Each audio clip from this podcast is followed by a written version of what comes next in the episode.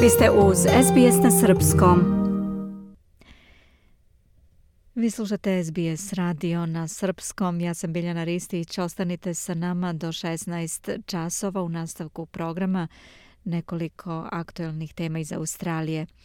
Sve su glasniji pozivi za uvođenje federalnog zakona o ljudskim pravima koji bi pomogao u zaštiti najugroženijih u društvu, uključujući izbjeglice i tražioce azila.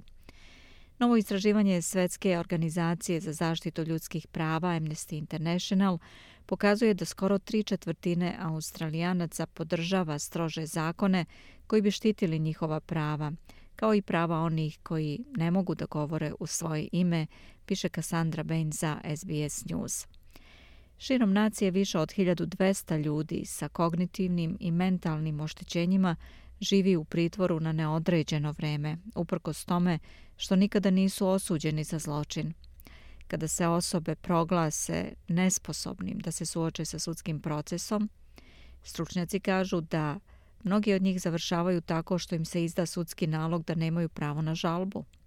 Dr. Piers Gooding je viši naučni saradnik na pravnom fakultetu u Melbourneu. This so-called special defense uh, means that they aren't able to access the same rights as others and other accused persons. Ova takozvana specijalna odbrana znači da nemaju pristup istim pravima kao drugi ljudi i druga optužena lica i mogu završiti u pritvoru daleko duže od dužine pritvora koju bi dobili u okviru tipičnog suđenja.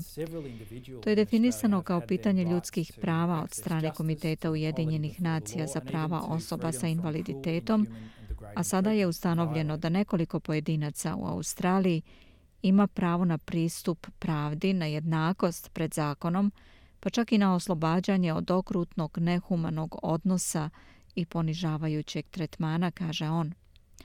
Zagovarači ljudskih prava zalažu se za zaštitu prava ugroženih ljudi, uključujući osobe sa invaliditetom, izbjeglice i tražioce azila. Amnesty International Australija kaže da je hitno potreban nacionalni zakon o ljudskim pravima. Predvodnica kampanje ove organizacije Nikita White kaže da su trenutni zakoni u Australiji neadekvatni. Not having a human rights act means people who are impacted by human rights abuses. Nepostojanje zakona o ljudskim pravima znači da ljudi koji su pogođeni kršenjem ljudskih prava nemaju metode nemaju načina da ospore te zloupotrebe. To znači da vidimo da se zloupotrebe nastavljaju.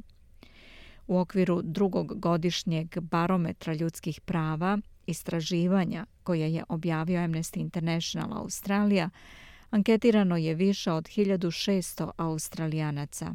Postavljeno im je niz pitanja o ljudskim pravima. 55% se složilo da Australija ima problem sa rasizmom. Većina, 80%, ukazuje da svako ima odgovornost da se to zaustavi, ali također na pitanje da li različite kulturne i etničke grupe treba da učine više da se uklope u zajednicu. 73% se složilo.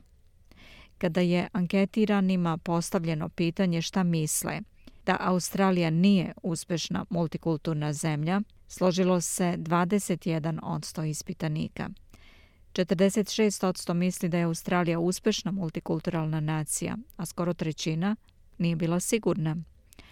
Lična prava, uključujući privatnost i jeftinu zdravstvenu zaštitu, također su istaknuta kao veoma važna. Kao jednake plate, pravo glasa i sloboda govora. Predsjednik Pravnog saveta Australije Tas Liveris kaže da bi nacionalni zakon o ljudskim pravima obezbedio da svi imaju istu pravnu zaštitu. Uh, fundamental and basic human rights are protected. It, it would it would provide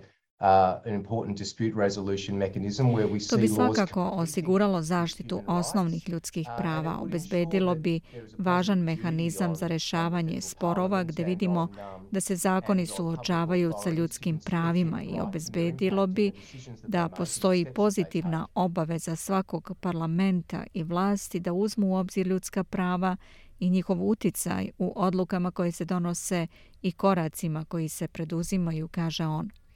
Port parol tužilaštva rekao je za SBS News da vlada kaže da veruje da svi ljudi imaju pravo na poštovanje, jednakost, dostojanstvo i mogućnost da učestvuju u društvenom, kulturnom i ekonomskom životu naše nacije. I posvećena je osiguravanju da australijski okvir ljudskih prava na odgovarajući način štiti ta prava, piše Cassandra Benza, SBS News. Želite da čujete još priča poput ove? Slušajte nas na Apple Podcast, Google Podcast, Spotify ili odakle god slušate podcast.